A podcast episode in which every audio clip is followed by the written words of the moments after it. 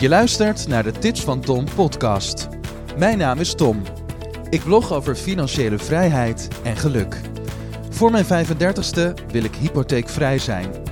Dit jaar publiceerde ik de cijfers van onze hypotheek. Mijn site ontplofte. Wat gebeurde er allemaal? Je hoort het in deze aflevering. Hey hallo, leuk dat je er weer bent.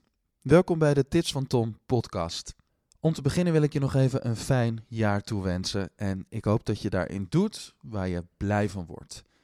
Zelf log ik al een tijdje op mijn blog tipsvantom.com en ehm, doe ik vooral omdat ik het leuk vind. En er kwamen gemiddeld in 2019 zo'n tussen de 1000 en de 3000 mensen per maand uh, op af.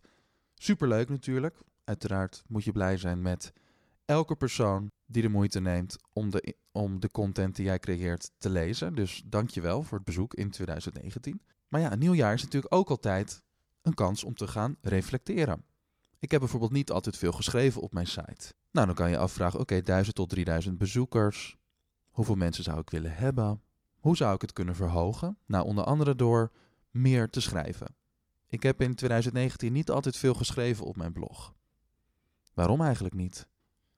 Nou, ik had niet altijd inspiratie, ik had er niet altijd zin in, niet altijd energie voor.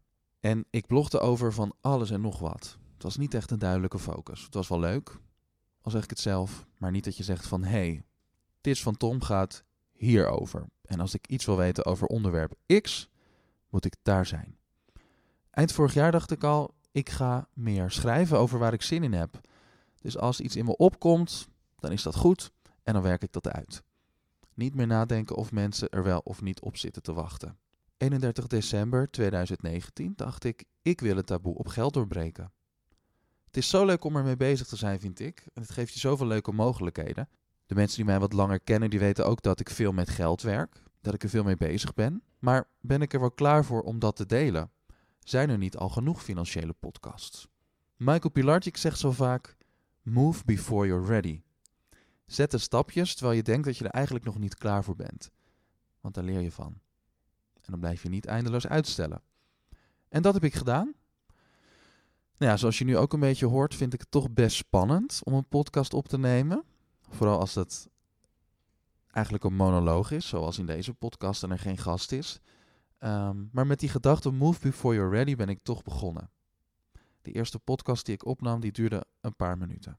En daar haalde ik gelijk al een paar lessen uit. Bijvoorbeeld niet de hele tekst uitschrijven, want dan klinkt het voorgelezen.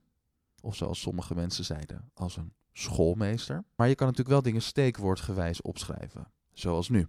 Anders komt er namelijk een enorme waterval, waarbij ik mezelf ook afvraag bij het opnemen: Goh, waar heb ik het nu eigenlijk over? En wat wil ik nu eigenlijk zeggen?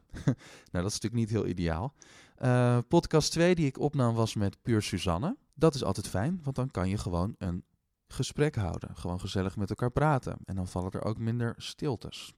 De les die ik daaruit geleerd heb, is dat ik de audioverbinding iets kritischer moet testen. Uh, want er rommelt af en toe iets in de opname. Niet dat het erg is, maar het is beter als je dat niet hoort, want dat kan een beetje afleiden. Nou, met die, met die podcast van Suzanne ging er ook nog iets mis, want toen we een uur hadden opgenomen online, zij vanuit Os en ik vanuit Amsterdam, haar audiospoor verdween ineens. Dus het leek alsof we een uur opnemen kwijt waren. Gelukkig kwam het weer goed terecht na wat um, rescue-acties. Dus uh, dat is goed gekomen. Maar dat is misschien ook wel een leerdoel. Om misschien niet altijd op de techniek te vertrouwen. Nou, deze podcast neem ik nu voor de tweede keer op. De eerste keer had ik het zonder aantekeningen gedaan, maar dat werd, een echt, maar dat werd echt een beetje een uh, zooitje. Dus nu opnieuw met een duidelijk verhaal waarbij ik wat uh, aantekeningen heb gemaakt. En er staat een glas water bij. Zoals Kirsten van voicebooking.com altijd zegt, als ze een voice-over hoort waarbij iemand hoort smakken, smak, smak, smak, dat soort geluiden, dan zegt ze, geeft die man of vrouw een glas water. Dus dat staat hier nu. Dankjewel Kirsten voor de tip. Het glas is wel leeg al, omdat ik dus zenuwachtig ben. Drink ik wat meer. Ach, het is voor het goede doel en het komt vanzelf goed. Over een paar podcasts lach ik hier vast om. Nou, van dit leren kan ik ook nog wel echt blij worden hoor. Het is super eng om jezelf bloot te geven maar het geeft ook resultaat. Terug naar de hypotheek, want daar gaat het over in deze podcast. Op oudjaarsdag besloot ik, ik ga over de hypotheek schrijven.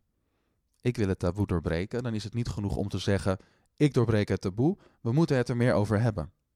Practice what you preach. Dus er moeten cijfers bij. Bewijs. Dat vinden mensen leuk om te lezen. Ik vind het ook altijd leuk als ik een website bezoek en ik daar kan zien hoe iemand zijn uitgaven verdeeld zijn per maand. Daar kan ik misschien nog wel iets van leren. Toen ik even wat punten onder elkaar zette voor deze podcast, moest ik denken aan de eerste naakte vrouw op tv. Die zei namelijk ook niet, er moet meer naakt komen. Ze ging gewoon naakt zitten in 1967 met een krant voor de camera. Wat een heldin en wat een shit moet zij over zich heen gehad hebben. Een aantal weken geleden was ik al te gast in de Goed met Geld podcast. Dankjewel mannen voor die mogelijkheid. Was echt super leuk en ook spannend. Maar het leuke was dat ik daar al wat vrij kon geven over mijn financiële situatie. En ik denk dat dat ook een eerste stapje was om ook een beetje met podcasting te experimenteren. Achteraf is het dan altijd zo leuk hoe de puzzelstukjes dan uh, op zijn plek vallen. Weer terug naar de hypotheek. Het is natuurlijk niet alleen mijn hypotheek. Thomas, mijn partner, die heeft ook deze hypotheek voor de helft. Dus ik vroeg hem, vind je het eigenlijk wel goed als ik dit soort gevoelige gegevens deel?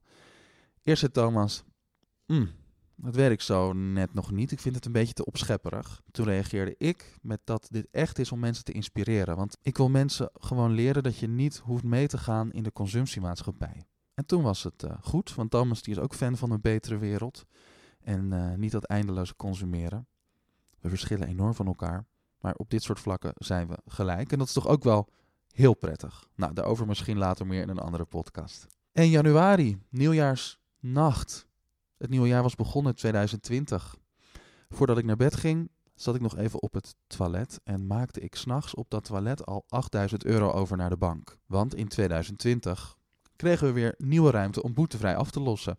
En die ruimte wilde ik zo snel mogelijk benutten. Want hoe eerder je het geld stort, hoe meer voordeel je eruit haalt. Ochtends werd het blog gepubliceerd over mijn hypotheek. Eng, spannend, maar ik heb ook een hoop toffe reacties gehad, gelukkig. Mensen die er bijvoorbeeld ook mee bezig zijn, of mensen die hierdoor geïnspireerd raken. En dat was nu net het doel. Er hadden zelfs ook mensen gereageerd die hun hypotheek al een aantal jaar geleden hadden afgelost. En ook via privéberichten, via Facebook Messenger en via wat mailtjes kreeg ik nog reacties van mensen die liever niet in het openbaar erover spraken, maar het wel met me wilden delen. Nou, dat vind ik leuk, daar word ik dan blij van. Het resultaat van dag 1 was 500 bezoekers. Dat is een heel mooi aantal, daar ben ik blij mee, want dat kost me normaal gesproken namelijk een week. Dit was ook wel het bewijs voor mij dat de keuze om over financiën te gaan bloggen, om daar echt op te focussen, dat dat uh, een goede keuze was. Dus daar was ik heel blij mee. En toen stond ik te koken op 2 januari. En zoals het dan gaat, ik ben natuurlijk een beetje verslaafd ook aan mijn mobiel. Pak ik dan tussendoor even mijn telefoon. Het is altijd leuk om even wat statistieken te bekijken. En toen zag ik dat er 30 bezoekers op mijn site waren. Toen dacht ik, huh, waar komen die vandaan? Zijn het hackers? Is het een DDoS-aanval? Dus ik logde in op mijn computer en daar zag ik ze. 40 mensen die op dit moment keken. 60, 83. Er ging een alarmbel af bij mijn webhostingpakket, want ik had nog een klein hostingpakket en niet genoeg capaciteit voor zoveel bezoekers. Dus die heb ik snel geupgrade en daarvoor bijbetaald.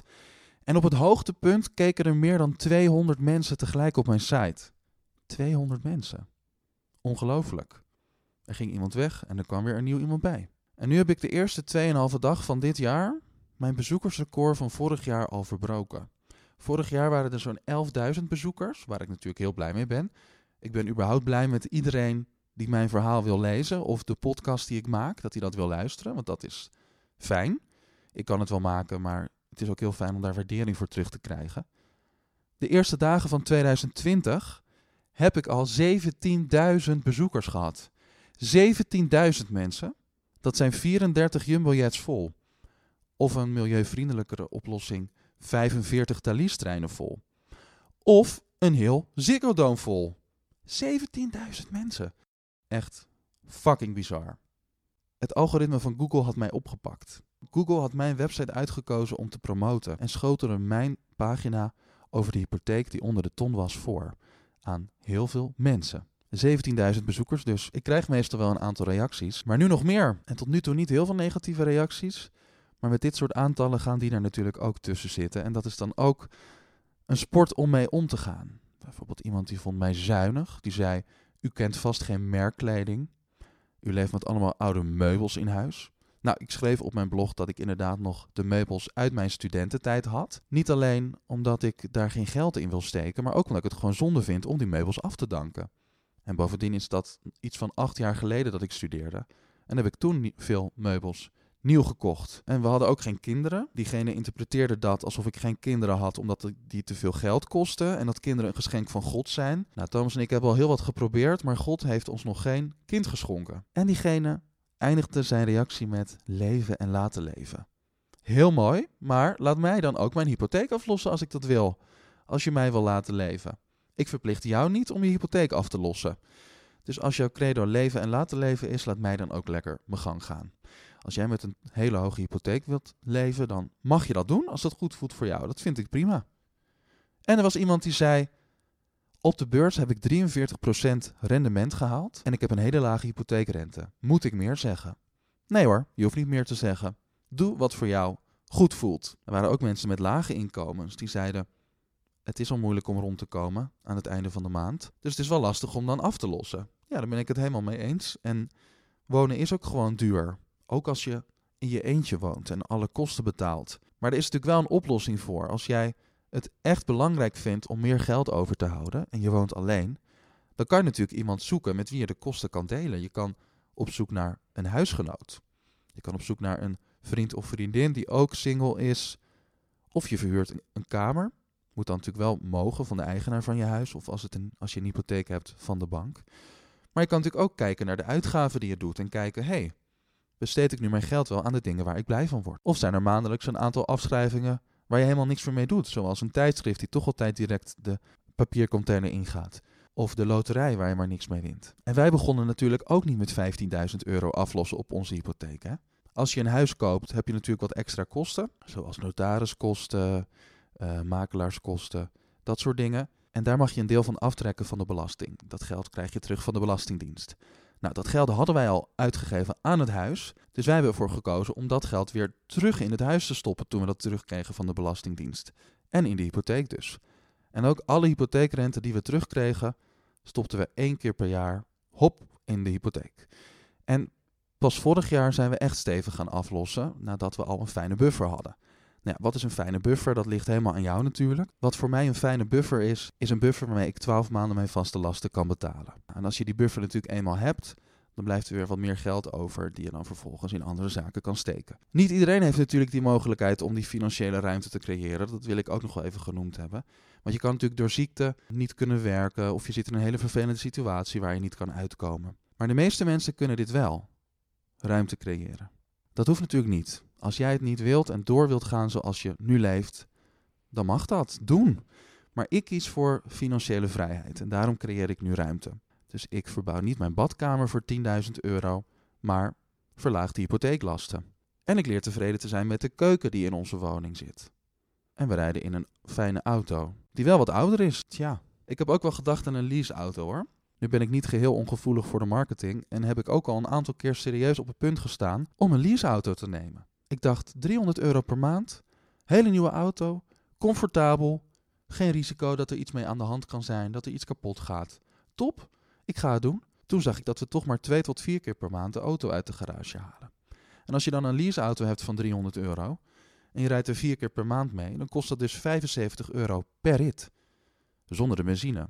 En dat is zonde, vind ik. Je kan bijvoorbeeld nu bij de NS via spoordeelwinkel.nl kan je een dagkaart kopen. Ze hebben heel vaak acties. Nu is er een actie dat je voor 19 euro een retour kan kopen voor de tweede klas. Maar ook voor 25 euro een retour eerste klas. Dus als wij ergens naartoe gaan wat een lange afstand is, dan kijk ik altijd even, hey, wat zou het kosten als ik een retourtje via mijn chipkaart doe? En wat zou het kosten als ik gewoon zo'n dagkaart koop? Dat zijn dus ook dingen waar we het in een andere podcast nog wel over gaan hebben. Maar ik leef dus ook niet als een kniepert, hè? Thomas ook niet. Dus de verwarming staat hier ook niet altijd op 15 graden. Ik koop ook gewoon een nieuwe iPhone 11 Pro. Omdat ik die vaak gebruik. Die gebruik ik dagelijks. En ik vind dat dan de moeite waard om iets dat ik veel gebruik, om daar goed in te investeren. En iets dat dan van goede kwaliteit is, dat lang meegaat. Dat ik me er niet aan erger. Niet iets wat weer sloom is. Niet iets waar weer het geheugen vol is of ander, allerlei gezeik. En mijn andere dingen geef ik dan door. Er zijn mensen die daar heel blij van worden. We eten ook lekker en gezond. Wel weinig vlees. Dus veel pulvruchten zoals linzen, kikkererwten, met tofu. En uit eten doen we ook gewoon dus, maar ook niet elke week. En ik koop onderweg ook gewoon koffie als ik daar trek in heb. En ik koop ook gewoon een nieuw shirt als ik denk, hé, hey, laat ik weer eens wat nieuws kopen. Maar dan doe ik ook wel iets ouds weg. Ik heb ook niet 50 shirts in mijn kast liggen en ook niet 20 spijkerbroeken. Nogmaals, ik zeg dus niet dat wat ik doe, dat jij dat ook moet. Ik wil je alleen inspireren. Ik wil je laten zien hoe het ook kan. En dan zijn Thomas en ik nog maar twee simpele jongens met allebei een modaal inkomen. Er zijn ook mensen die veel meer geld uitgeven en al het geld verbrassen. En als ze daar blijven worden, moeten ze dat vooral natuurlijk doen. En als jij een hoog inkomen hebt en dat ook er maandelijks doorheen jaagt en je wordt er blij van, vooral doen. Maar ik wil op mijn 35ste hypotheekvrij zijn. En zoals het er nu naar uitziet, gaat dat ook lukken. Dat vind ik super gaaf. Dat geeft me echt een kick. Ik wil niet tot mijn 70ste verplicht zijn om te moeten werken. Stel dat ik het leuk vind, dan ga ik natuurlijk door. Maar ik wil geen zure, uitgebluste, afgerangeerde medewerker worden die overal pijn heeft. En die lusteloos elke dag met zijn ziel onder zijn arm weer naar zijn werk gaat. Nee, nee, nee, dat wil ik niet. Hoe zit dat eigenlijk bij jou? Ben jij bewust van de financiële keuzes die je maakt? Ik ben benieuwd. Dankjewel voor het luisteren. Oh nee, nog niet. Wel, ik wil je wel bedanken alvast, maar het is nog niet helemaal het einde. Want deze podcast staat ook op Apple Podcast en op Spotify. En je helpt mij en andere mensen die meer over financiën willen leren om een review achter te laten voor deze podcast. Je kan een stukje schrijven, maar je kan ook een aantal sterren geven.